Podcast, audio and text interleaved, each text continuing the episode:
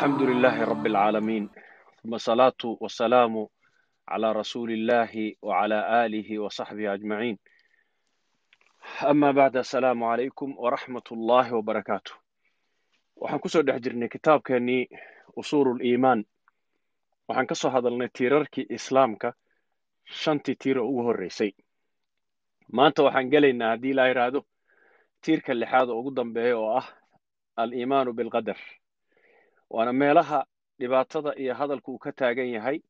Waa meelaha ay firqooyin laba ah ay ku lumeen. Dad badan oo hadda joogana ay ku gacan galeen. Waa meelaha dhallinyarada lagu wareeriyo oo diinta looga saaro toshishka looga furo.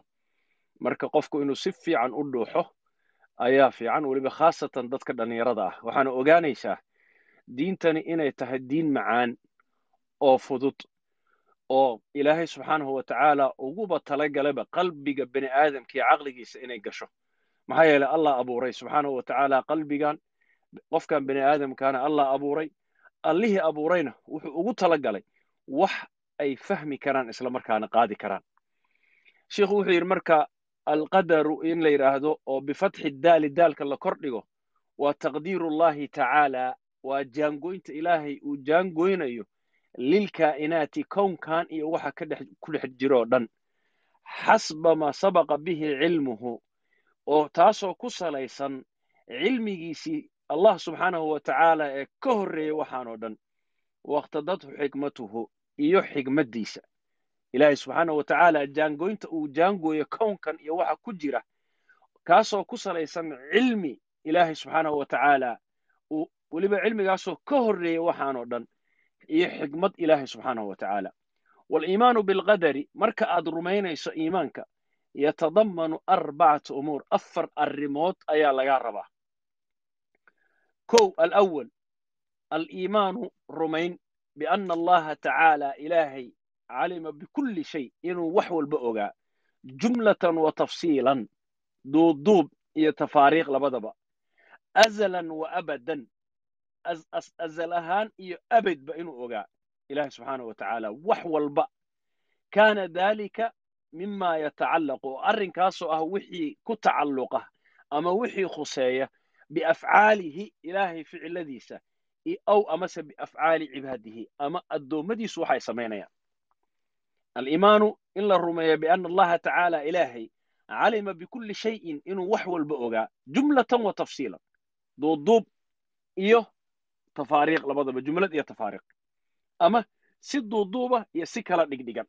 azalan wa abadan azal ahaan oo weligeedba ahayd abadna uu jiray sawa'an kaana dalika waxaasi ha noqdaan mima yatacallaqu biafcaalihi wixii afcaashiisa ku tacalluqa ama la xiriirsan aw amase biafcaali cibaadihi ama wixii la xiriirsan afcaasha addoommadiisa waa kow athaani midda labaad aliimaanu in la rumeeyo biana allaha ilaahay kataba dalika inuu ku qoray fi lawxi maxfuud lawx maxfuudka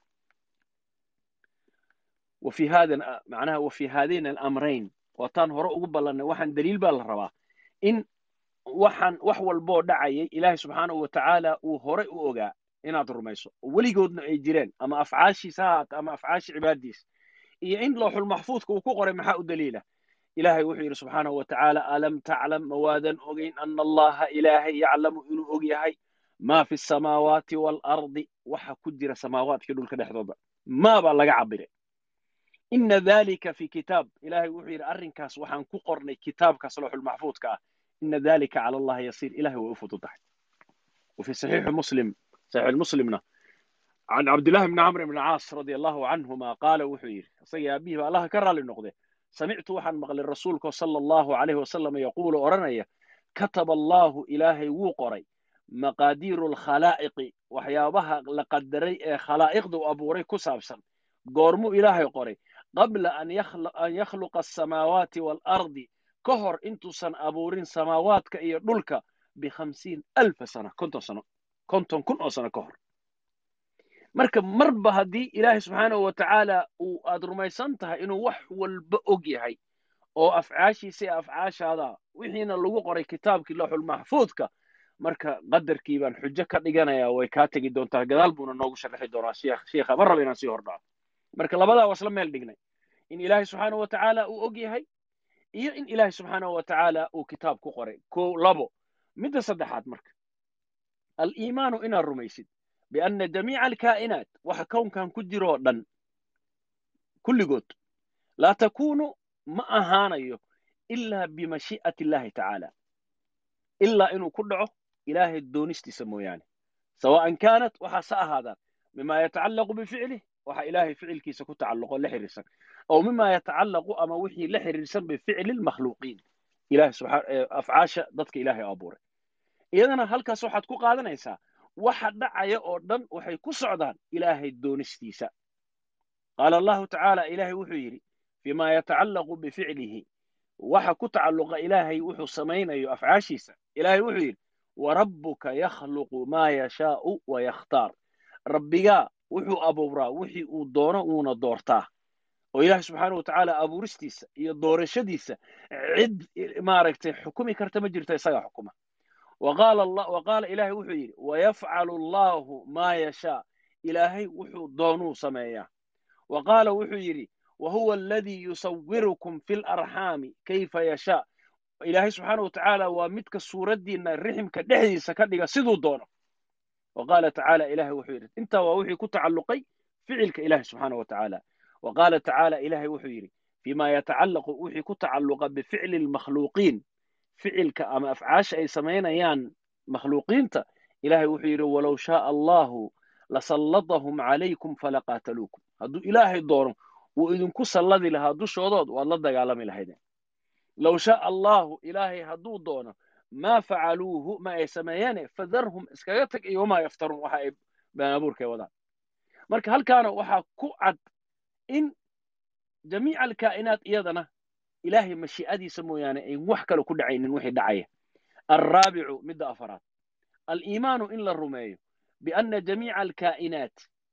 Wax kasta oo kownkan ah makhluuqah inay tahay lilah subxaana wa tacaala bidawaatiha ilahi subxaana wa inuu u abuuray qaabkay u samaysan yihiin iyo wa sifaatiha iyo wa xarakaadkeeda.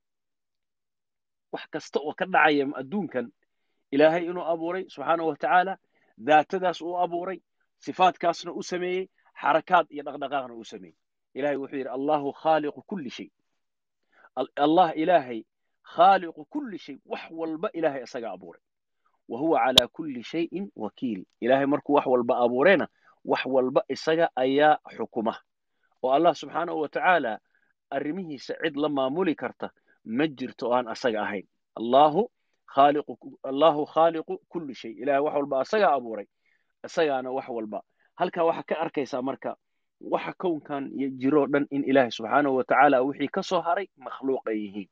Qur'aankaa soo gelaya kalaamka ilaahay subxaana wa tacaala inuusan cafwan waxaan dhihi lahaa qur'aankaa ka baxsan. Ilaahay subxaana wa tacaala qur'aanku waa hadalkiisii wey. Qur'aanku waa hadalkiisii laakiin khaaliqu kulli shay markuu leeyahay inta kale wax kasta ilaahay subxaana wa tacaala isagaa abuuray allah khaaliqu kulli shay. Qur'aanku laakiin waa kalaamkii ilaahay. Ma aha wax makhluuqa. Arrinkaasna waxaa weeye qolooyin dhan baa baa ku lumay oo diiday oo waxay ku leeyihiin allah subxaanahu wa tacaala maaragtay qur'aanku waa makhluuq bay dheheen marka weliba imaamuna imaamu axmed ibn xambal raximahullah masaladaasi meel adag buu ka istaagay. Runtii ilaa lagu dhibay oo maaragtay dhibaatooyin badan oo loo geystay oo xabsi uu u galay oo maaragtay rafaad badan oo arrinkaa u maray.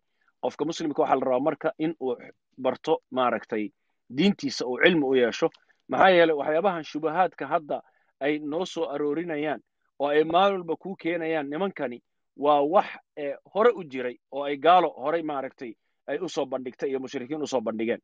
Lidaabaa marka maalinba waxaasay kuula imanayaan.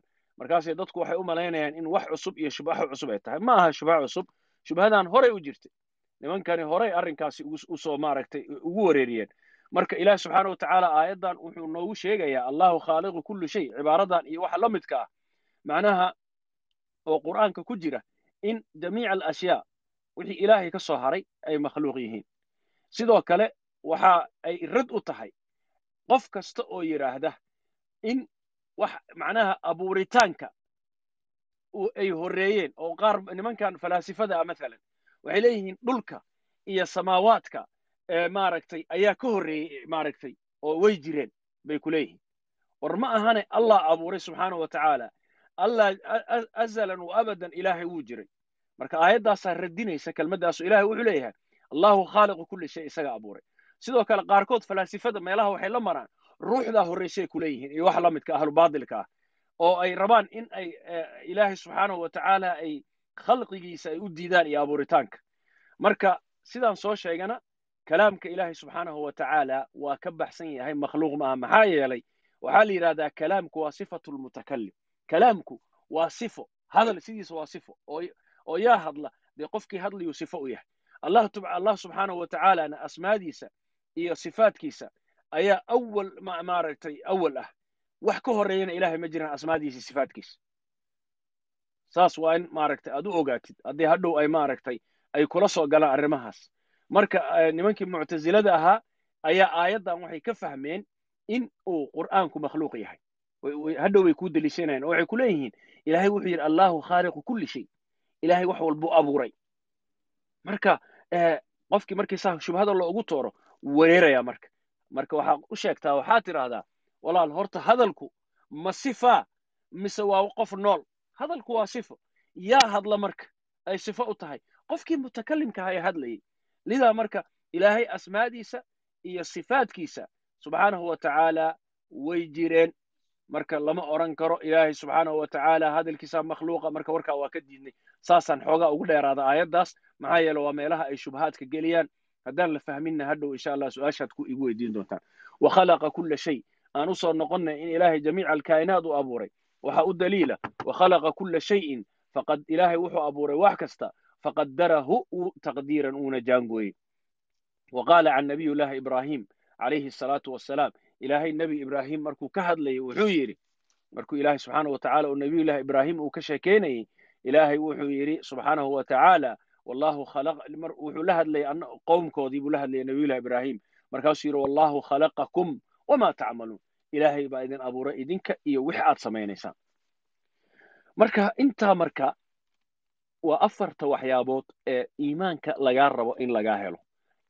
Haddaan sadar sadar cad oo u dulmaro ko waxaan idhi in aad la timaaddo ood rumayso ilaahay subxaanahu wa tacaala inuu wax walba ogaa azalan wa abadan weligeed jumlatan wa tafsiilan. Waxaas ha noqdo ficilkiisa ama ha noqdo wax ku tacalluqa ficilka addoommadiisa. Taa waa mid weyn. Midda labaad waxaan nidhi in ilaahay subxaanahu wa tacaala waxaas uu cilmiga uu ogaa uu ku qoray looxul maxfuudka iyadana. Waa in aad rumaysaa. Midda saddexaad waxaan nidhi in ilaahay subxaanahu wa tacaala kaa'inaadka uu abuuray oo dhan ay ilaahay mashiicadiisa iyo doonistiisa ay ku dhex jiraan oo aysan ka baxsanayn. Ilaahay wuxuu doonuu samayn. Marka waxaasi ha noqdaan ama ficilkiisa ama ficilka addoommadiisa. Midda afraad waxaan nidhi in iyadana la rumeeyo ilaahay subxaanahu wa tacaala wax kasta oo dunidan maaragtay wax kastoo kownkan ah ilaahay inuu abuuray subxaanahu wa tacaala oo daatadii iyo sifadii iyo xarakaadkii uu u sameeyey. Wuxuu ku yidhi marka waliimaanu bilqadari iimaanka ama rumaynta qadarka la rumeeyo. Calaa maa wasafnaa waxaan aan ku sifaynay oo laa yunaafi ma diidayso. An yakuuna lilcabdi addoonku inuu yeesho mashii'atan doonis fii afcaalihi ficiladiisa alikhtiyaariya oo isagu u doortay wa qudrati calayhaa iyo awoodda u leeyahay. Qolaa halkan wax bushi gelisay oo muran keento waxay yidhaahdeen haddii la yidhahdo wax walba ilaahay doonistiisay ku dhacayaan sidee baa addoonkii marka loo odhan karaa awood buu leeyahay? Marka addoonkii awood ma leh kuwaas waxaan leenahay warkiina waa ka kac. Maxaa yeelay aliimaanu bilqadari calaa maa wasafna in aanu qadarka rumayno sidii aan ku tilmaannay ma diidayso inuu addoonku uu leeyahay doonis iyo mashii'a uu leeyahay. Doonistaas iyo mashii'adaasoo uu acmaashiisa uu samaynayo laga maaragtay u adeegsanayo oo ikhtiyaariga ah. Arrintaas ma diidayso ayaan leenahay caqligiinna saan hore u sheegay caqligiinnaa ka gaabiyey. Adaa lagaa rabaa marka in caqli arrintaas aad u yeelato. Adaa lagaa rabaa in aad waxa laguu sheegayo aad fahamto. Sidaa darteed baa marka aan leenahay arrinku sidaa ma aha shiikhuna daliilka wuu noo keeni doonaa. Oo sidaan hore ugu ballannay waa tii aan ku ballannay kitaabka ilaahay subxaanahu wa tacaala iyo axaadiista ayaa daliil u nooga keenaya. Maxaa caddaynaya marka addoonku inuu leeyahay isagu maaragtay uu mashii'a awood uu leeyahay ficiladiisa? Lianna asharca wuxuu ku yidhi sharciga iyo sidoo kale sharciga iyo sidoo kale buu ku yidhi waaqica ayaa ku tusaya dallaani waxay ku tusayaan calaa ihbaati dalika lah. In addoonku uu doonis leeyahay. Macnaha in addoonku uu ikhtiyaar uu leeyahay dheh. Uu doonis uu leeyahay oo ficiladiisa iyo awood uu leeyahay.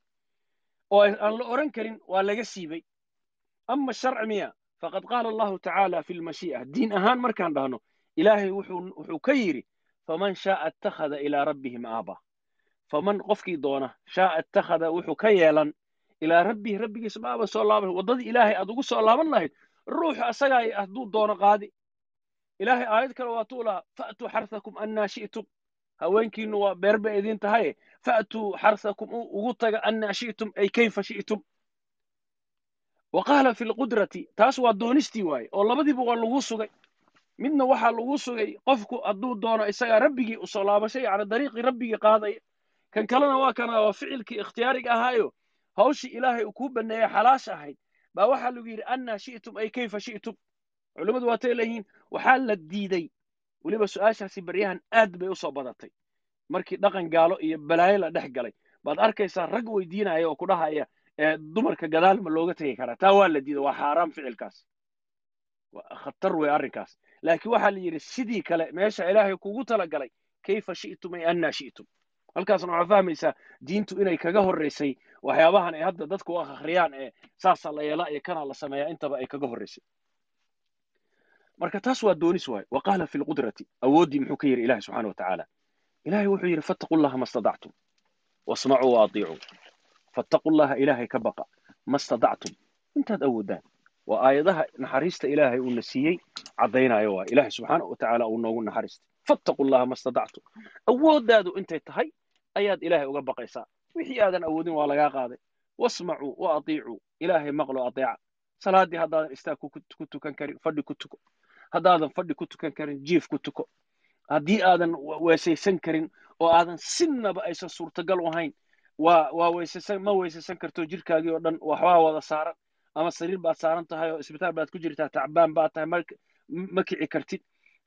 Cid ku weesaysan ma haysid ma gebagabaysan kartid. Waxaasoo dhan waa weyde maxaa samaynaysaa fattaqu llaha ma stadactum marnaba salaaddu aysan ku dhaafin haddaa miyirkaagu uu joogo fattaqu llaha ma stadactum soo ma jeedi waa ilahay wuxuu noogu naxariistay wa tacaala ilahi wuxuu yidhi laa yukallifu allahu nafsan ilaa wuscahaa ilaahay nafna dusheeda muusan ku kallifin ilaa wixii ay awoodda mooyaane waa naxariista ilahi subxaana wa tacaala lahaa maa kasabat waxay leedahay wixii ajar oo ay shaqaysatay leedahay wa calayha maktasabat wixii dembi oo shaqaysatana way leedahay taa marka sharcigii baa kuu sugay waana waxaan cayaan u arkayno indheheenna aan ku arkayno. Oo waxa aan rabno inaan samayno saad doontaad u samaynaysaa adiga. Iyadoon cidna aad aysa dhehen waa i khasabtay. Baad saad doonta u samaysanaysaa. Sariirtaada markaad guri dhisayso ama qol aad diyaarsanayso kursiga fadhiga meeshaad doontaa dhigaysaa.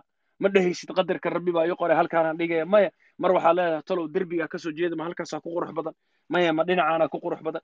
Bahalkan sawirka halkaan miyaan ku dhejiyaa oo maaragtay sawirkan kacbada derbiga ma halkaan ama ubaxan fiyoorahan ma dhinacaanan dhigaa? Soo ma jeedi?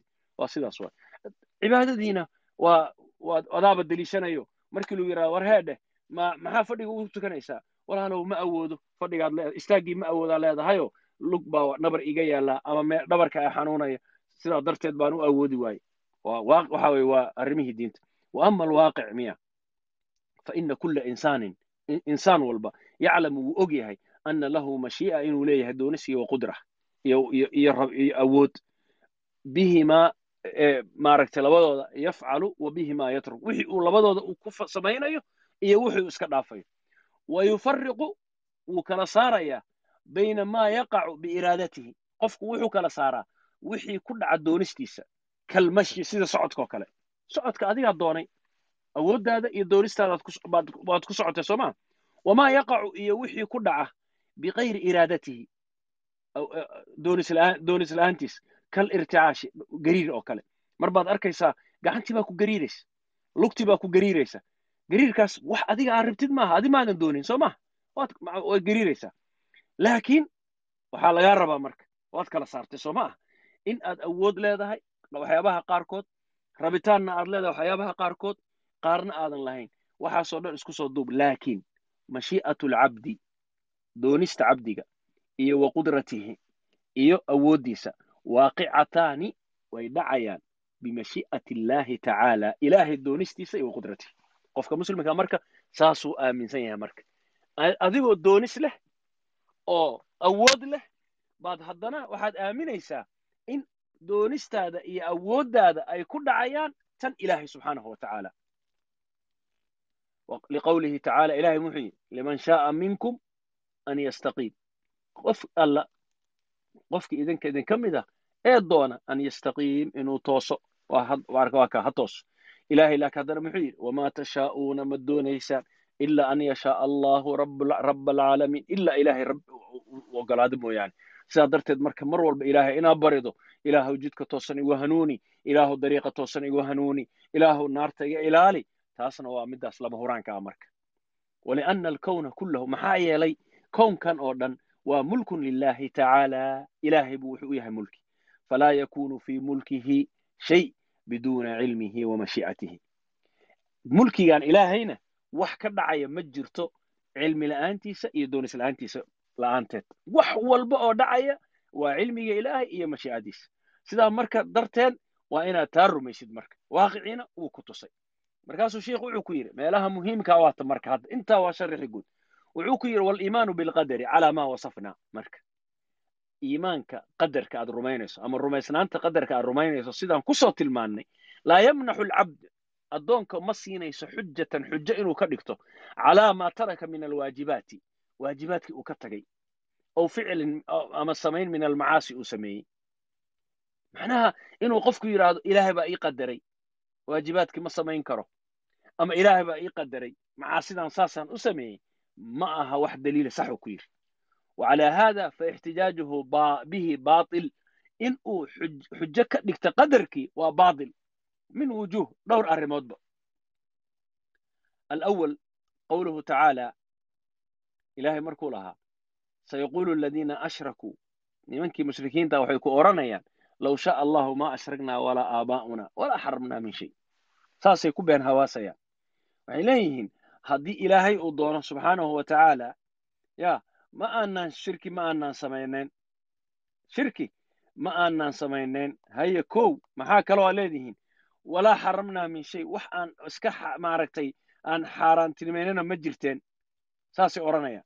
Nimankii mushrikiinta ahaa ilaahay baa nooga warramay. Waxay u xujo tageen shirkigoodii iyo waxyaabihii ilaahay u xalaaleeyey oo iska xaaraantinimo yeeleen bay qadihii iyo qadarkii u deliishadeen oo waxay leeyihiin ilaahay hadduu doono ilaahay maaragtay hadduu dooni lahaa shirki ma aanaan galnayn waxaan aan xaaraantinimaynana oo xalaasha noo ahaana iskama aanaan xaaraantiminayn markaasay waxay ka dhigeen mashii'adii ilaahay subxaanahu wa tacaala ee shaamilada ahayd ee kulli shay min alkhayr washar ahayd ayay xujo ka dhigteen iyo arrin ay maaragtay isaga leexiyaan dembigan ay galeen markaasuu ilaahay subxaanahu wa tacaala nebigiisa uga warramay.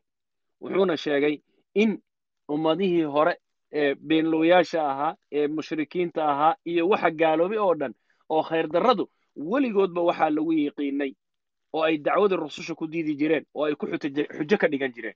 Kadalika kadaba aladiina min qablihim ilaahay wuxuu yidhi sidaasaa kuwii iyaga ka horreeyana ay u beeniyeen waxaan u sheegay iyo diintii nebiyadu oo timid.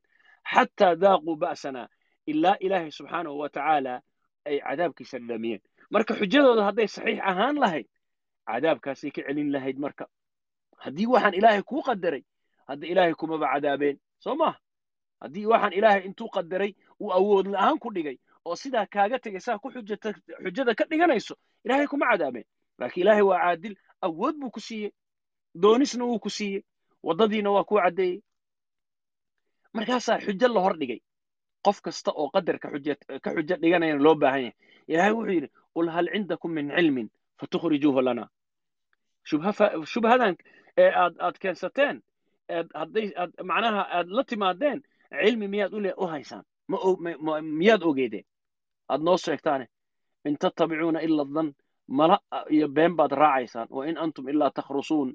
Yacni been baad sheegaysaan. Lidaa marka xujadoodii dhowr arrimoodba faasid bay ku noqotay dhowr arrimoodba faasid bay ku noqotay. Midda koowaad waxa weeye horta hadday sax tahay hadday saxiix tahay cadaab kuguma soo degeen. Kow xujadaa xujo tagaysid waa inaad u haysato cilmi iyo burhaan cilmi iyo caddayn inaad u haysato. Male keliya lama rabo cilmi iyo caddayn inaad u haysato. Aad ku aragtay waxaan in adiga lagu qadaray. Midna ma haysid. Marka taasaa marka ay ku baaba'een nimankaas markaasuu sheikhu wuxuu yidhi walow kaana lahum xujatan bilqadari haddii ay xujadaas qadarka ay deliishanayaan ay maaragtay ay xujo u haysan lahayn qadarka ilaahay subxaanahu wa tacaala ma dhadhansiiyeen cadaabkaas ma dhadhansiiyeen alqowl athaani arrinka labaad oo in loo xujo laga dhigta qadarka ay baadil ku tahay ilaahay wuxuu yidhi rusulan baan dirnay.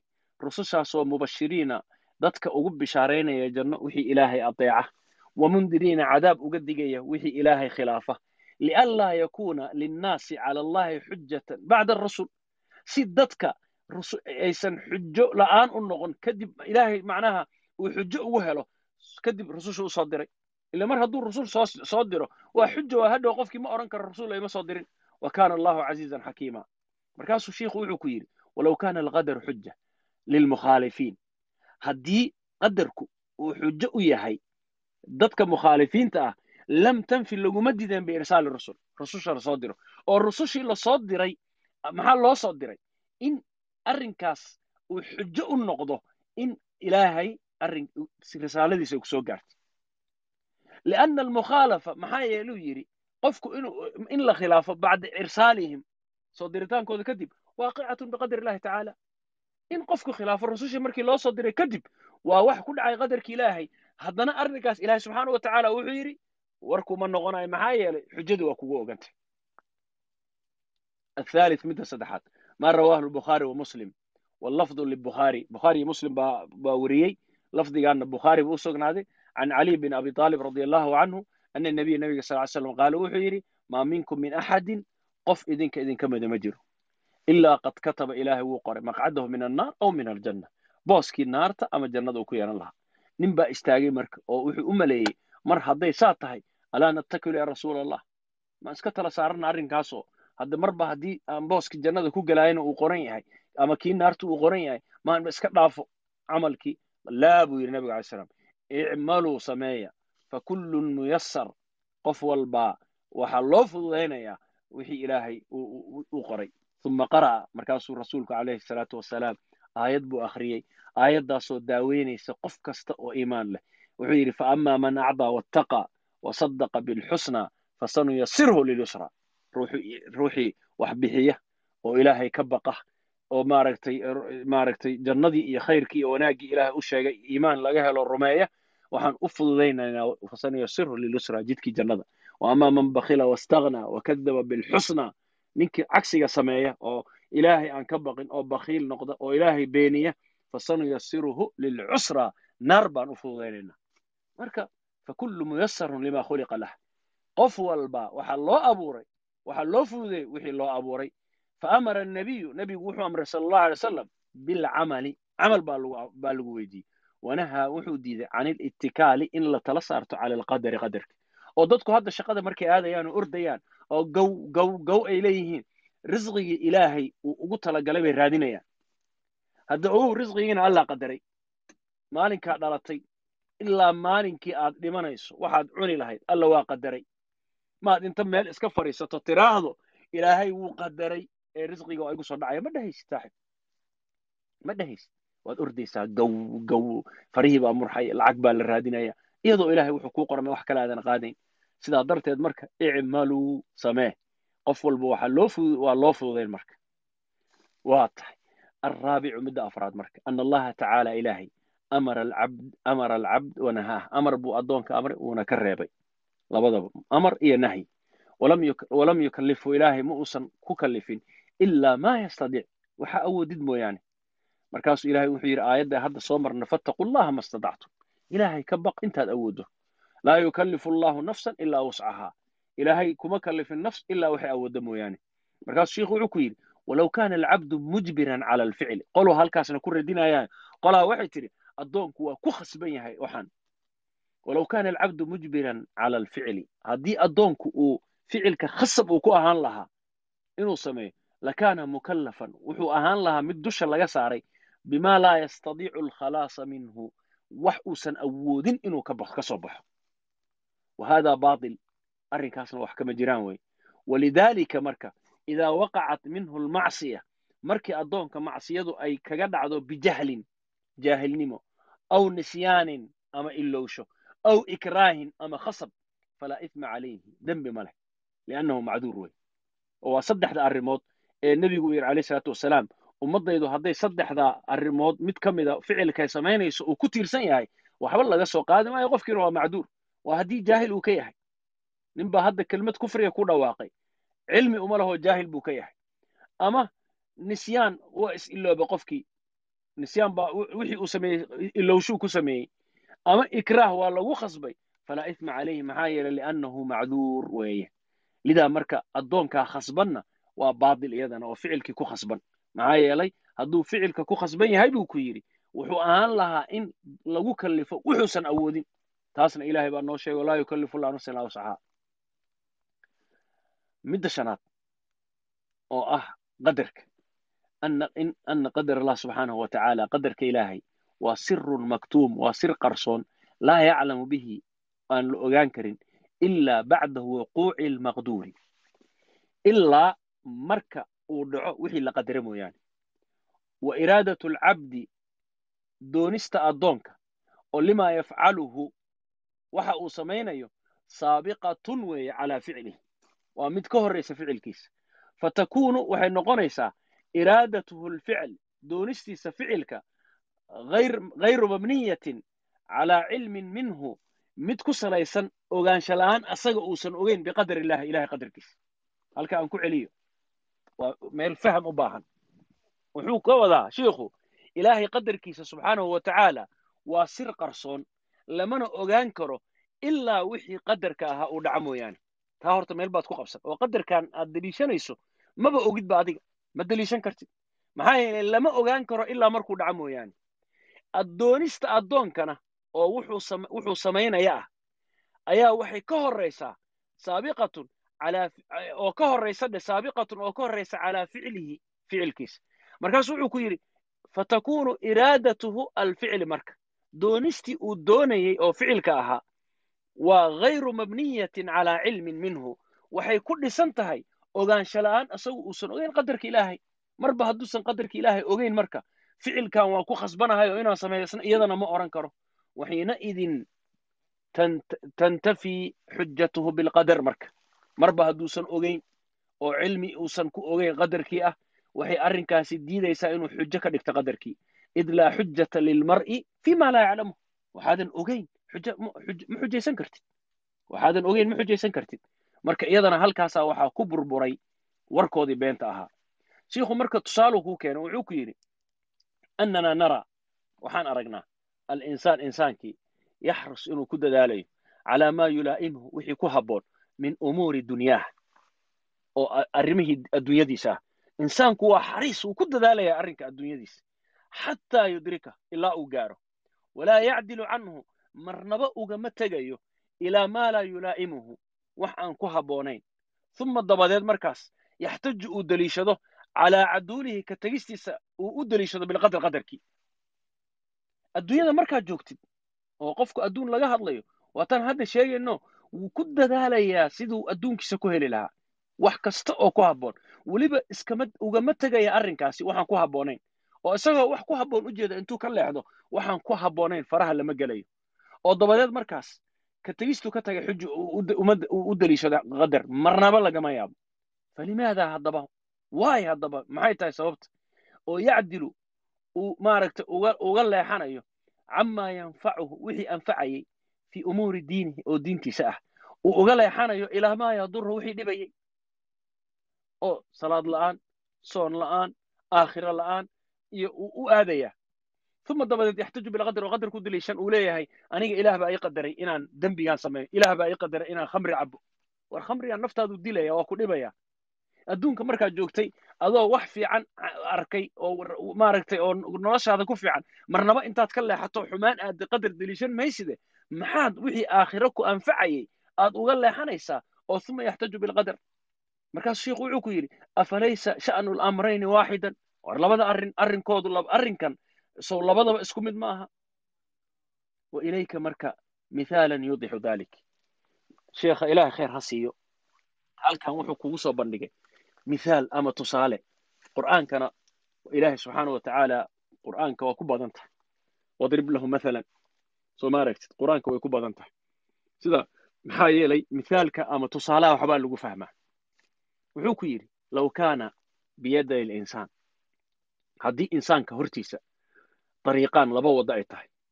Axaduhumaa midkood yantahi bihi wuxuu ku geyn waddadaas ilaa beledin dhul kullahaa dhammaantiisba fawda ay fawdo tahay oo qas uu ka jiro oo qasri dagaal uu ka jiro oo nahb boobis ay ka jirto oo waintihaakun lilacraad sharaftii qofka lagu xadgudbayo oo khawf iyo cabsi ay ka jirto wajuucin gaajo ay ka jirto. Dariiq waa kaas waddankaasuu ku geyn ama tuuladaasaad gelaysaa wathaani dariiqa labaadna waxaa lagu yidhi yantahi bihi. Waxaad ku tegaysaa ilaa beledin kullahaa nidaam. Tuulo nidaam uu ka shaqeeyo. Wa amnun mustatib. Amni aad u heer sarreeya isku dubaridan wa cayshun ragiid nolol aad u heer sarraysa. Wa ixtiraamun linnufuus. In ixtiraam ay dadku ku haystaan. Iyo wal acraad sharaftii. Iyo wal amwaal xoolihii. Naftii iyo sharaftii iyo xoolihii lagu ixtiraamayo. Su'aal baa lagu weydiiyey marka fa ayu dariiqayni yasluk? War insaanow dariiqee buu qaadaysaa ama dariiqee buu qofkaasi qaadi lahaa. Dabcan su'aashii waa iska fududdahay innahu sayasluk wuxuu raacayaa aldariiqa athaani waddada labaad alladii yantahi bihi ee geenaysa ilaa beledi nidaam dhulkii nidaamka waalamn iyo nabadda iyo barwaaqadu ay ka jirtay. Walaa yumkin liayi caaqil buu yidhi sheikhu. Caaqil kastana ma suuragal ma aha qof caqli leh oo aan waalnayn. Abadan suurtagal ma aha an yasluka inuu raaco dariiqa beledi alfawda waalkhawf inuu raaco waddadii dhulka fawdada iyo cabsida ka jirtay oo dabadeed wayaxtaju bilqadar uu qadarka deliishado ma dhacayso intuu intuu raaco tuuladii laysku dilayey buu waddadeeda raacay markaasaa war ka joog baa layidhi markaasuu yidhi maya wixii ilaahay qadaraa yaa igu dhacaya marnaba suurtagal maaha qof kastoo naga mida mulxidka weydii hadduusan inkiraynin mulxidka inkirsan ama ama kan qadarka inkirsan qadarka xujada ka dhiganaya bal weydii caqli hadduu leeyahay. Waxaa tidhahdaa laba waddada kee raacaysa? Waxaa khasaba inuu raacayo waddada. Wuxuu ku yidhi marka shiikhu marka meeshaan u dan lahaa falimaada idan yasluku uu raacaya fii amri alaakhira arrinka aakhiro dariiqa annaar waddadii naarta ood khamri u cabbaysaa oo salaad la'aan u tahay oo wax u dhacaysaa oo dad u dilaysaa duuna dariiqi aljanna oo aadan dariiqi jannada u aadaynin. Oo markaa waa yaxtaju bilqadar dabadeedna aad leedaha allah ii qoray dee marka taa caqli maaha marka. Sida adduunyada aad noloshaada ugu dadaalayso saaxiib aakhiradana ugu dadaal. Sida aadan kan qadar ugu xujeeti xujo uga dhiganaynin ayaa kana uusan xujo ku noqonayn marka. Wa mithaal aakhar. Tusaalaha labaad buu shiikhu ku siiyey. Wuxuu ku yidhi nara almariida waxaan aragnaa qofka xanuunsan. Yu'maru bidawaa daawaa la amraya fayashrubuhu wuu cabbayaa.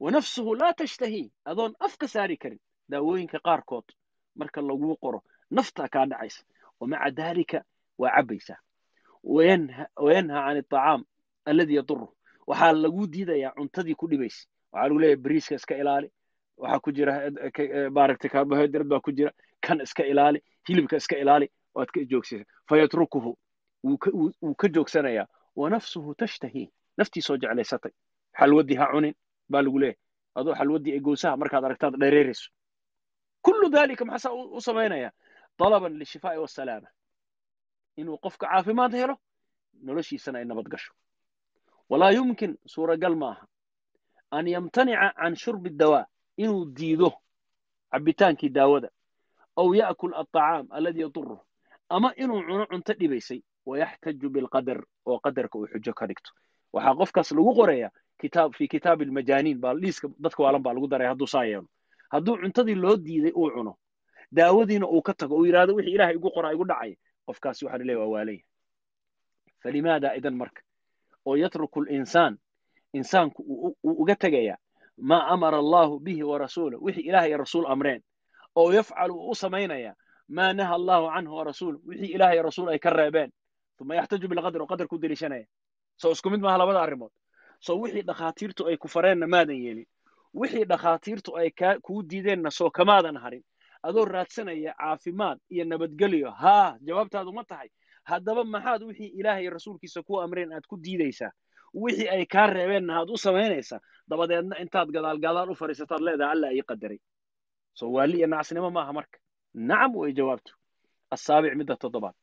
Ina almuxtaj bilqadar ninka qadarka xujo ka dhiganaya calaa maa tarakahu min alwaajibaat. Wixii uu ka tego waajibaada. Aw amase ficluhu min almacaasi. Ama ficilka uu sameeyey oo macaasida ah. Ninka xujo ka dhiganayo u fiirso. Arrintan soo socotana waa arrin cajiib badan.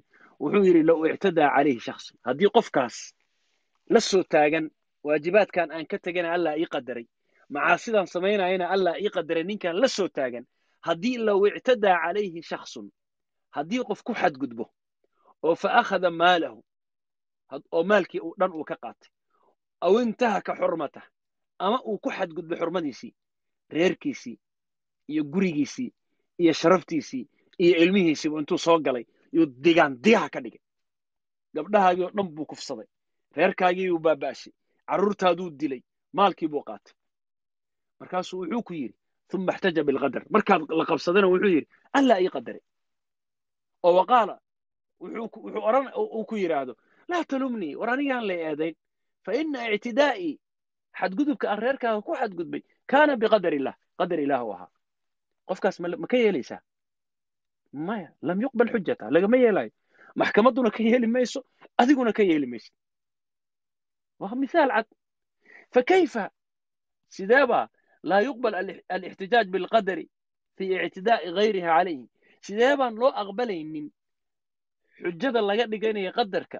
Qof aan qofkii ku xadgudbay isaga oo wayaxtaju bihi linafsihi. Uu naftiisa xujo uga dhiganaya fii ictidaa'ihi ku xadgudubku ku xadbay calaa xaqi illahi tacala ilahi xaqiisa war marka haddaad adigaba ninkii kugu xadgudbay oo xoolahaagii dhacay oo xurumaadkaagii ku xasuuqay xujadii uu qadarka ka dhiganaya aadan uga yeelaynin haddaba saaxiibow sidee baa adigu intaad ilaahay xaqiisa ku tumatay aad qadarka xujo uga dhigan kartaa?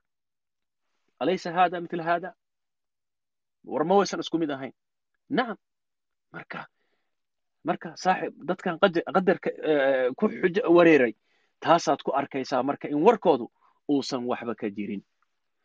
Wayudkar waxaa la sheegaa qiso iyadana cajiib badano ana amiira almu'miniin amiir almu'miniin cumar ibn khadaab radia allahu canhu ayaa waxaa loo keenay waxaa loo keenay amiir almu'miniin cumar saariq nin tuug ah oo istaxaqa alqaطc oo ay waajib ku noqotay in laga oofiyo xadkii laga oofiyo gacanta la gooyo. Fa amara wuxuu amray biqadci yadihi gacanta in la jaro. Faqaala wuxuu yidhi mahlan ya amiira almu'miniin? Ninkii wuxuu yidhi amiir almu'miniinow u kaadi. Markaasaa la yidhi maxaa yeelay maxaa rabtaa? Buu yidhi. Wuxuu yidhi innamaa sariqtu biqadar illaahi maxaad gacanta ii jaraysaa? Buu yidhi. Ficilkan aan sameeyey iyo tuugnimadan aan sameeyey allah ii qadaray cumar ibn khadaab radia allahu canhu wamaa adraaku cumar waa ninkii ilaahay yidhi subxaanahu watacaala hadduu waddo maro cumar shaydaanku waa ka leexan jiray waa ninkii allah ilaahay maaragtay rasulka sal slam uu yidhi hadduu gadaashay nebi jiri lahaa cumar baa ahaan lahaa maxaa yeelay ilaahay baa wuxuu ku ilhaamiyey waxyaabo fara badan oo markii dambena aayado ay ku soo degeen rag baa hadda intay soo baxeen cumar isku dheririnaya oo ku dhahaya cumar baa saa yeelay iyo cumar baa saa sameeyey cumar markaa saa leedahay man anta adigu maxaa tahay? Markaad cumar ibn khadaab isku dheririnayso cumar wuxuu yidhi wanaxnu anaguna inamaa naqdacu. Waxaan gacanta kaaga jarayna biqadar illaahi ilaah baa qadaray inaan gacanta kaa jarno. Marka halkaas ayaa waxaa ku baaba'day nimankaasi warkoodii halkaasu ku baaba'ay. Marka waxaan lagu lagu xujada laga dhiganayo wax saxa ma ahan. Sidaa darteed marka qofka muslimkaa waxaa la rabaa in uu iska ilaaliyo arrinkaas. Ibnu taymiya aad buu uga hadlaa oo wuxuu leeyahay qofna xaq uma laha in uu xujo ka dhigto qadarka. Cala dembi dembi uu sameeyey biitifaaqi almuslimiin. Muslimiinta isku itifaaqsan wasaa'ira ahli lmilal iyo dadkii diimaha saaxiibada u ahaa ehelka u ahaa iyo wasaa'ir alcuqalaa iyo dadka caqliga loo dhan. Muxuu yidhi marka faina hada low kaana maqbuulan laamkana kulu axadin an yafcala maa yakhdar lah waa hadal cajiib badan u fiirso. Haddii in qadarka xujo laga dhigto qofka wuxuu samaynayo ay maqbuul oo noqon lahayd qof walba wuxuu samayn lahaa buu wuxuu doono. Oo min qatli nufuus inuu cid dilo. Wa akhdi alamwaal xoolo uu qaato. Iyo wasaa'ir anwaaci alfasaad fi lardi iyo fasaad oo dhan intuu sameeyo. Markaasuu wayaxtaju bilqadar wuxuu xujo ka dhigan lahaa qadarka. Isla markaasuu yidhi wanafsu muxtaj bilqadar midka qadarka xujo ka dhiganaya ida ictudiya calayh haddii lagu xadgudbo.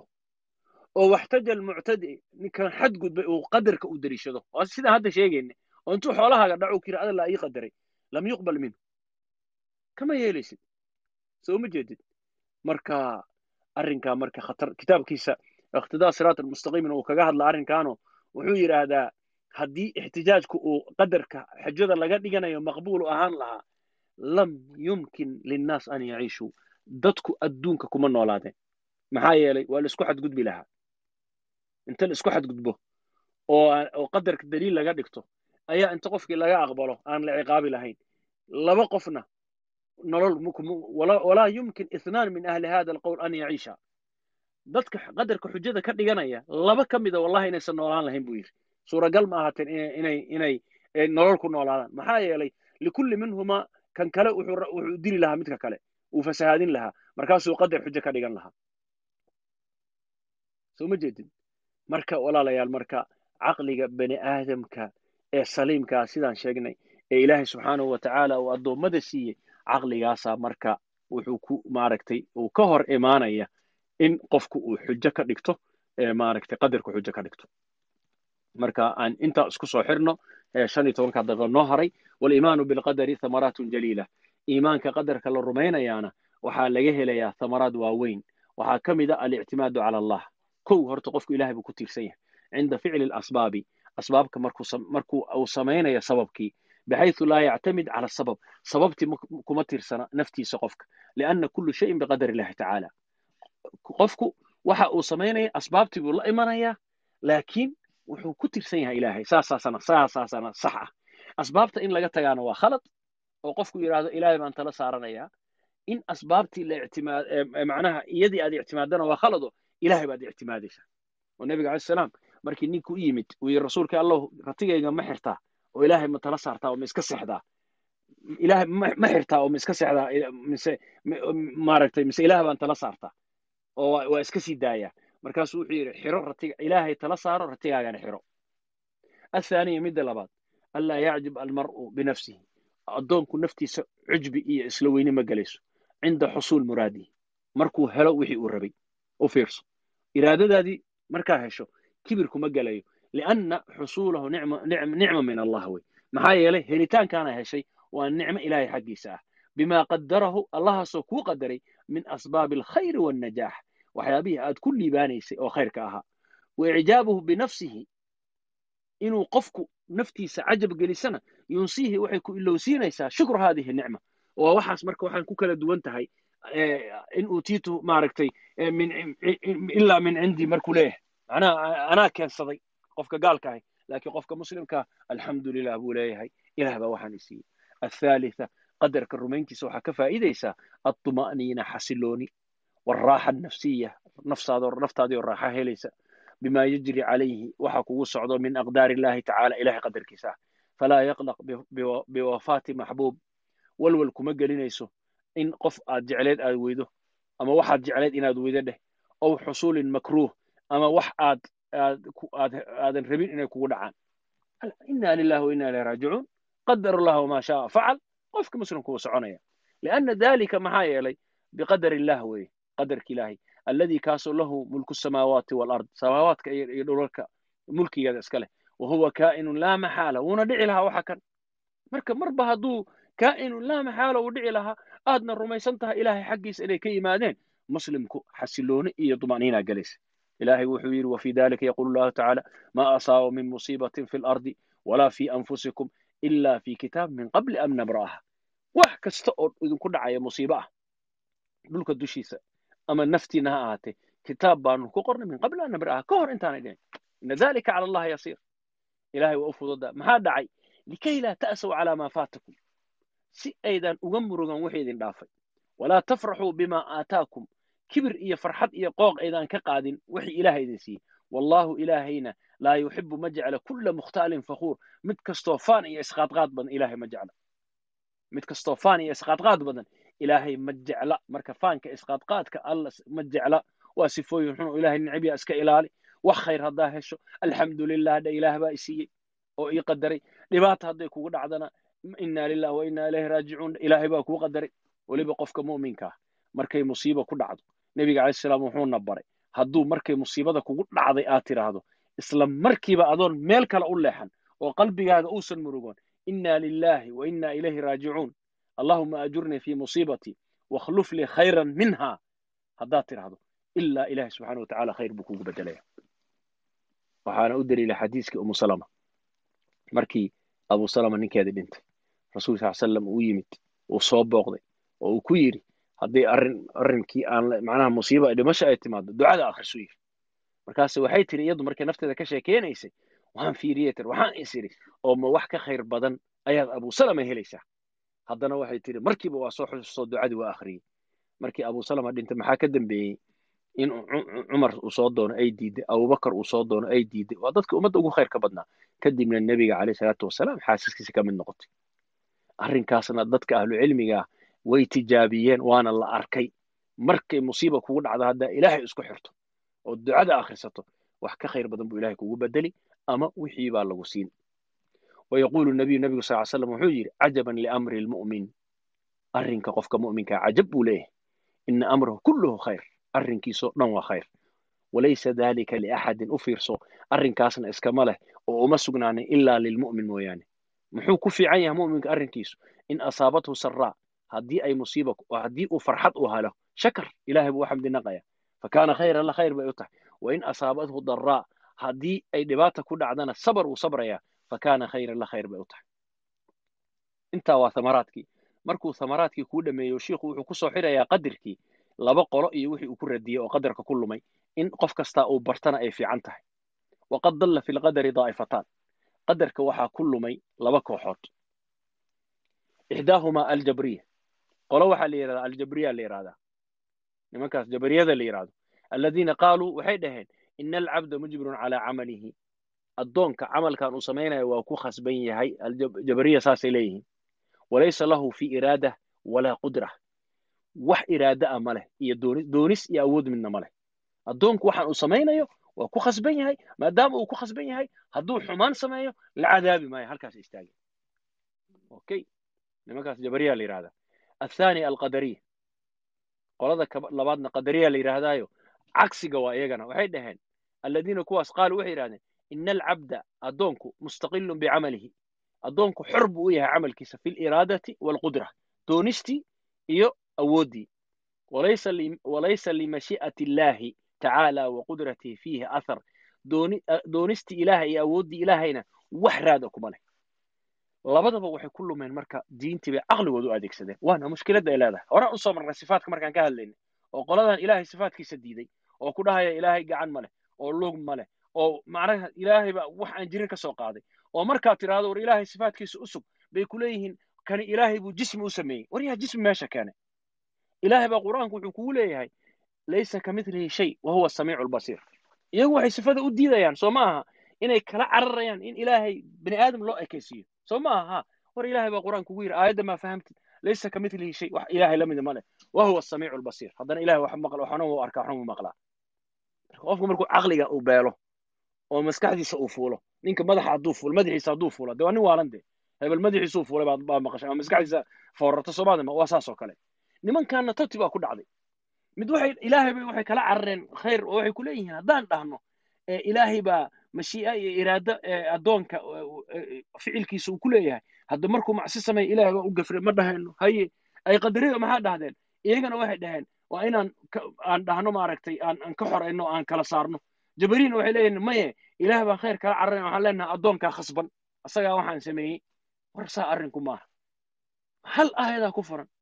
Liman shaaa minkum an yastaqiim wamaa tashaa'uuna ilaa an yashaa allah qofka muslimka intaas uu fahmaya hadduu hadduu qalbiga ilaahay uusan kaa qalladin والرد على الطائفة الأولى الجبرية لما كان يراد بالشرع والواقع بنكون ردينا أبوك دينتي واقعي أما الشرع فإن الله تعالى إلهي أثبت للعبد إرادة ilaahay qur-aanku noogu sheegay addoonku wuxuu u sugay doonis iyo maxaan dhihi lahaa awood iyo wamashii'a iyo doonis labadaba doonis iyo awood buu ilaahay u sugay wa adaafa alcamala ilayhi wuuna maaragtay uuna uuna uuna camalkiina u tiiriyey.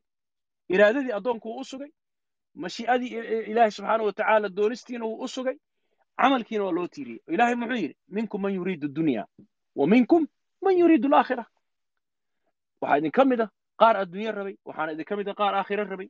Markii dagaalkii uxud laga sheekeynay wa qaala ilahi wuxuu yidhi waqul ilxaqu min rabbikum.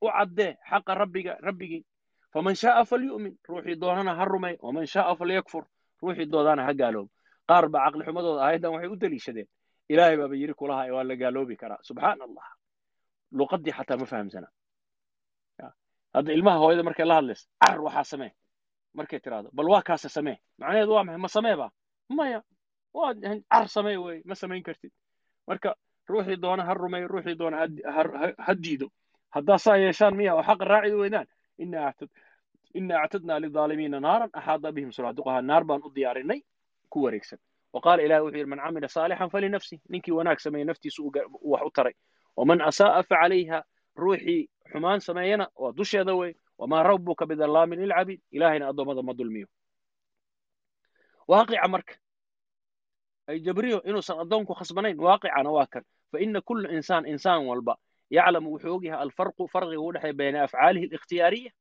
afcaasha asaga uu doortay oo allatii yafcaluha uu samaynayo oo biiraadatihi doonitaankiisa kalakli washurbi walbayci washiraa cunitaankii cabitaankii wax soo iibsigii iyo wax wa bayna maa yaqacu iyo waxa ku dhacaya calayhi asaga dhacaya oo bikayri iraadatihi addoonistiisa aan ahayn. Sida kal irticaashi jirka oo gariira min alxumaa qandhadii wasuquud min asathi inuu kor ka soo dhaco fahuwa fi lawal midkii hore faacilun mukhtaarun biiraadatihi min hayri jabrin kii hore oo cuntadii cabitaankii waxa uu samaynayaa isagoo doonistiisa doortay oo aan lagu khasbin wa fi thaani midda labaadna hayra mukhtaar ma uusan dooran walaa muriida limaa waqaca calayhi mana uusan rabin waxaan ku dhacay marka waaqicii baa saas loo kala saaray sidee u odhan kartaa marka addoonkii waa khasban yahay waraddu cala daa'ifa athaaniya alqadariya nimanka la yidhaahdo bisharci waalcaqli aan ku radinayno waa nimankii iyagana yidhi maaragtay in allaha maaragtay waxay iyagu yidhaahdeen aan soo marnay nimankii qadariyada la oran jiray ee iyaguna lumay waatay dhaheen addoonku mustaqil buu camalkiisa ku yahay ilaahay waxba kuma leh doonista fa ina allaha tacaala khaaliqu kulli shay wax walba isaga abuuray wa kullu shayin kaa'inun bimashii'ati wax walbana ilaahay doonistiisay ku dhacayaan ana afcaala alcibaad addoommada ficilkoodu taqacu bimashii'atii inay ku dhacayso faqaala tacaala ilaahay wuxuu yidhi walow shaa allahu hadduu alla doono makhtatala aladiina min bacdihim min bacdi ma ja'athum bayinaat maysan dagaalameen kadib markii caddayntii iyo u timid walaakin ikhtalafuu way iskhilaafeen faminhum man aaman wa man kafar mid baa rumeeyey iyaga ka mida qaarna waa gaaloobay walow shaa allahu ilaahay hadduu doono maqtataluu maysan dagaalameen walaakina allaha yafcalu maa yuriid aayadkan ilahi wuxuu leey walow shi'naa haddaan doonno la aataynaa kulla nafsin hudaha naf walba hanuun lahayn. Walaakin xaqa alqowlu minii laakiin hadalka iga dhaco xaqa wuxuu yahay laamla'anna jahannama inaan ka buuxin doono min aljinnati wannaasi ajmaciin. Amaa caqliga in uusan ka baxsanayn mashiicada ilaahay fa ina alkowna kullahu mamluukun lilahi tacaala. Adduunkan oo dhan iyo kownkan allah iska leh. Walinsaan min hada alkown insaankuna kownkanuu ka mid yahay fahuwa mamluukun lillahi tacaala ilaahay buu mulkigiisu ku jiraa ilaahay baa iska leh walaa yumkin suurtagalna ma aha lilmamluuki midkii lalahaa an yatasarafa inuu ku tasarufo oo wuxuu doono ka sameeyo fii mulki lmaaliki boqortooyada qofkii wax iska lahaa ilaa hee biidnihi idankiisii wa mashii'atii mashii'adiis taasna waa mid caqliga saliimka uu nafarayo sidaa darteed marka walaalayaal waxaa halkaa ku baaba'aya marka qadarka oo lagu xujo tago xujo laga dhigto. Waxaan u malayn qofkii ilaahay caqli siiya iyo basiiro siiya inay intaa ku filan tahay. War sida aad waxa haddaan waxaan maanta o dhan soo sheegayna aan hal erey erey aan israada ku soo koob.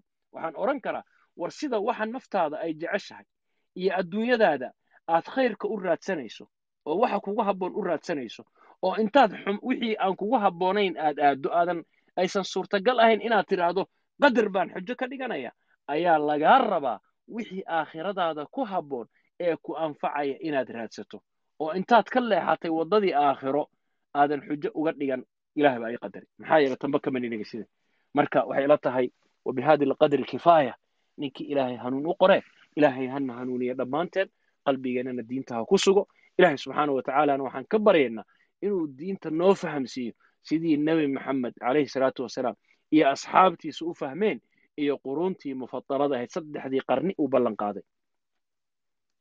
Khayru nnaas qarnii uma aladiina yaluunahum uma aladiina yaluunahum ninkii diin ka dhigta intaasaana ilaahay uu badbaadinaya. Ninkii ilaahay ku caabuda waxay dadkaas diin ay waddaday mareen taasaa ilaahay kugu badbaadinaya.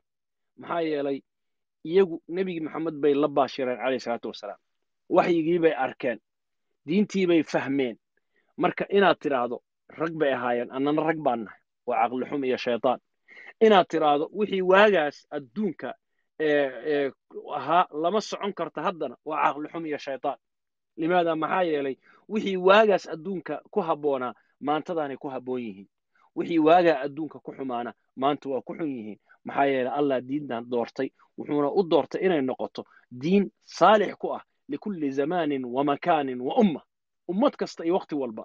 Diin aan u baahnayn in la badbedelo iyo in wax lagu soo daro uma baahnee. Waxay u baahan tahay in dadka hadba loo sharaxo oo boorka looga qaado oo loo loo sheegay ku baahantay. Marka iska ilaaliya nimankaa hadda raba inay dadkii diinta ka saaraan oo ay romaan iyo griig iyo khusacbalaad diin kaaga dhigaan oo wixii caqligooda uu soo dhaco ay diin kaaga dhigaan. Islamarkaana ay sidaan sheegnay raba in diinta islaamku ay noqoto qol balaayo dhan ay ku xeraysan tahay qol ay balaayo dhan ku xeraysan tahay raba inay ka dhigaan. Waxaan leenahay idinkamaanaan yeelin. Diintaa saafiga ah oo ilaahay noo fududeeyey oo rasuulkiisu noo sharaxay oo caqliga bani aadamka ilaahay ugu talagalay inay sidaa macaan ku gasho taasaan haysannaa inaad tidhaahdo warkaagana mar rabno. Ilaahay baa mar hore noo sheegay ducaatun calaa abwaabi jahannam buu nebigu ku sifeeyey calayhi salaatu wasalaam. Waa waa ducaa taagan albaabkii naarta hortiisa. Ruuxii ajiibana way ku tuurayaan. Marka hala iska ilaaliyo hada wabillahi towfiiq waxaan sheegay hadday sax yihiinna ilaahay iyo rasuulka xaggiisa ay ka ahaadeen iyagaana i waafajiyey waxaan labadoodaba qowlkooda aan ka sheegay wixii khaladana aragtay. Beri bay ka yihiin waa nafsi wa shaytaan. Ilahayna waxaan weydiisanaynaa in uu naga aqbalo. Insha allah kitaabka habeen dambe noo soo gabagaboobi doonaa. Waxaanu ku soo xiraynaa habeen dambe. Faa'iidada caqiidadu ay leedahay iyo ahdaafta caqiidada islaamiga ayaan ku soo xiraynaa. Kadibna insha allah wixii kutuba ee noogu xigi doona culimada ay noo bilaabanayaanna waa idiin sheegi doonaa marka intaasaan ku soo koobaya subxaanaka allahuma wabixamdik ashhadu an laa ilaha illa anta astaqfiruka waatuub